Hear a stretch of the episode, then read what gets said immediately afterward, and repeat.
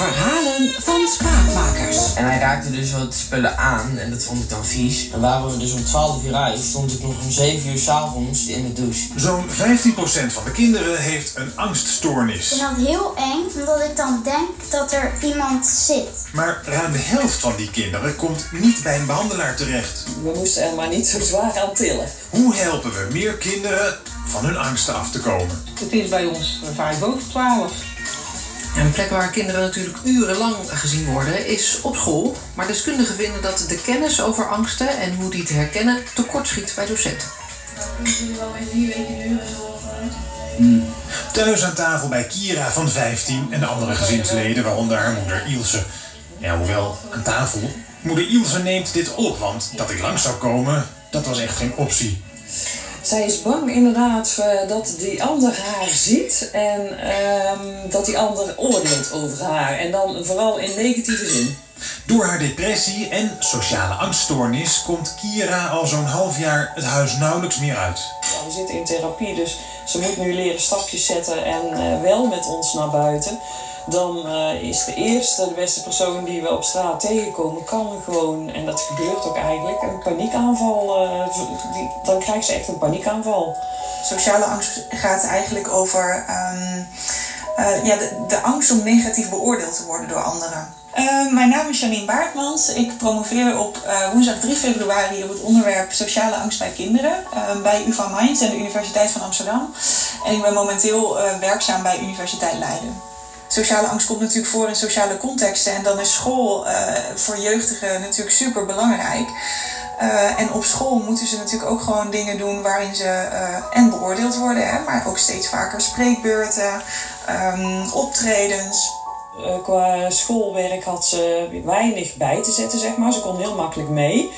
Ehm, ja, en daarna dan die overstap naar de middelbare school, die was gewoon mega groot voor haar. Wat wel voor ons als ouders altijd duidelijk is geweest, is dat ze in grote gezelschappen, dus bij, eh, bijvoorbeeld bij feestjes en partijen, of een klassenfeest, en vooral in die, hè, die, dat laatste jaar in groep 8, daar voelde zij zich, eh, ja, hoe noem je dat, onheimisch. Het einde van het eerste leerjaar hebben wij eigenlijk aan de bel getrokken. En dan kom je dus bij een mentor aan tafel. En die herkende het beeld niet. Die eh, baseerde zich ook op gewoon de cijferlijst van Kira. Nou, die was op dat moment gewoon nog prachtig. En ehm, ja, we moesten er maar niet zo zwaar aan tillen. Ja, het gebeurt absoluut. En dat is mijzelf ook absoluut gebeurd. Dat je denkt van, goh, dit is zo'n rustige leerling. Daar wil ik er nog wel 30 van in de klas. En dat vertel je ook enthousiast op een rapportgesprek. Eh, maar je moet ook vooral naar die stille kinderen kijken met het idee van, is die wel blij? Ik eh, ben Anton Horreweg. Ik ben leerkracht in het basisonderwijs al 35 jaar. En ik heb een eh, opleiding tot gedragsspecialist gedaan. en ik ben me daarna blijven verdiepen in het gedrag van kinderen. Nou, er zijn een aantal dingen wat zo'n kind doet. Dat is of inderdaad heel stil in een hoekje gaan zitten en vooral hopen dat het niet opvalt. Eh, maar het kan ook heel goed zijn dat zo'n kind eh, angst juist gaat overschreeuwen. En je het daardoor niet meer herkent als een kind wat angstig is. Hij zag gewoon inderdaad een stille leerling, eh, maar die op zich ook toch wel in een kring van een aantal meisjes verkeerde. Maar ja, niet doorzag van hoe ongelukkig ze zich inmiddels voelde. Ehm, wat ik concludeer in mijn proefschrift is ehm, dat we er nog niet zijn en dat er heel veel meer onderzoek nodig is. Want onderzoek naar angst is nog relatief jong. Het klinkt logisch dat kinderen die een verkeerd zelfbeeld hebben soms door klasgenoten helemaal niet stom worden gevonden. En sterker nog, soms worden ze zelfs minder vaak genoemd als niet zo leuk.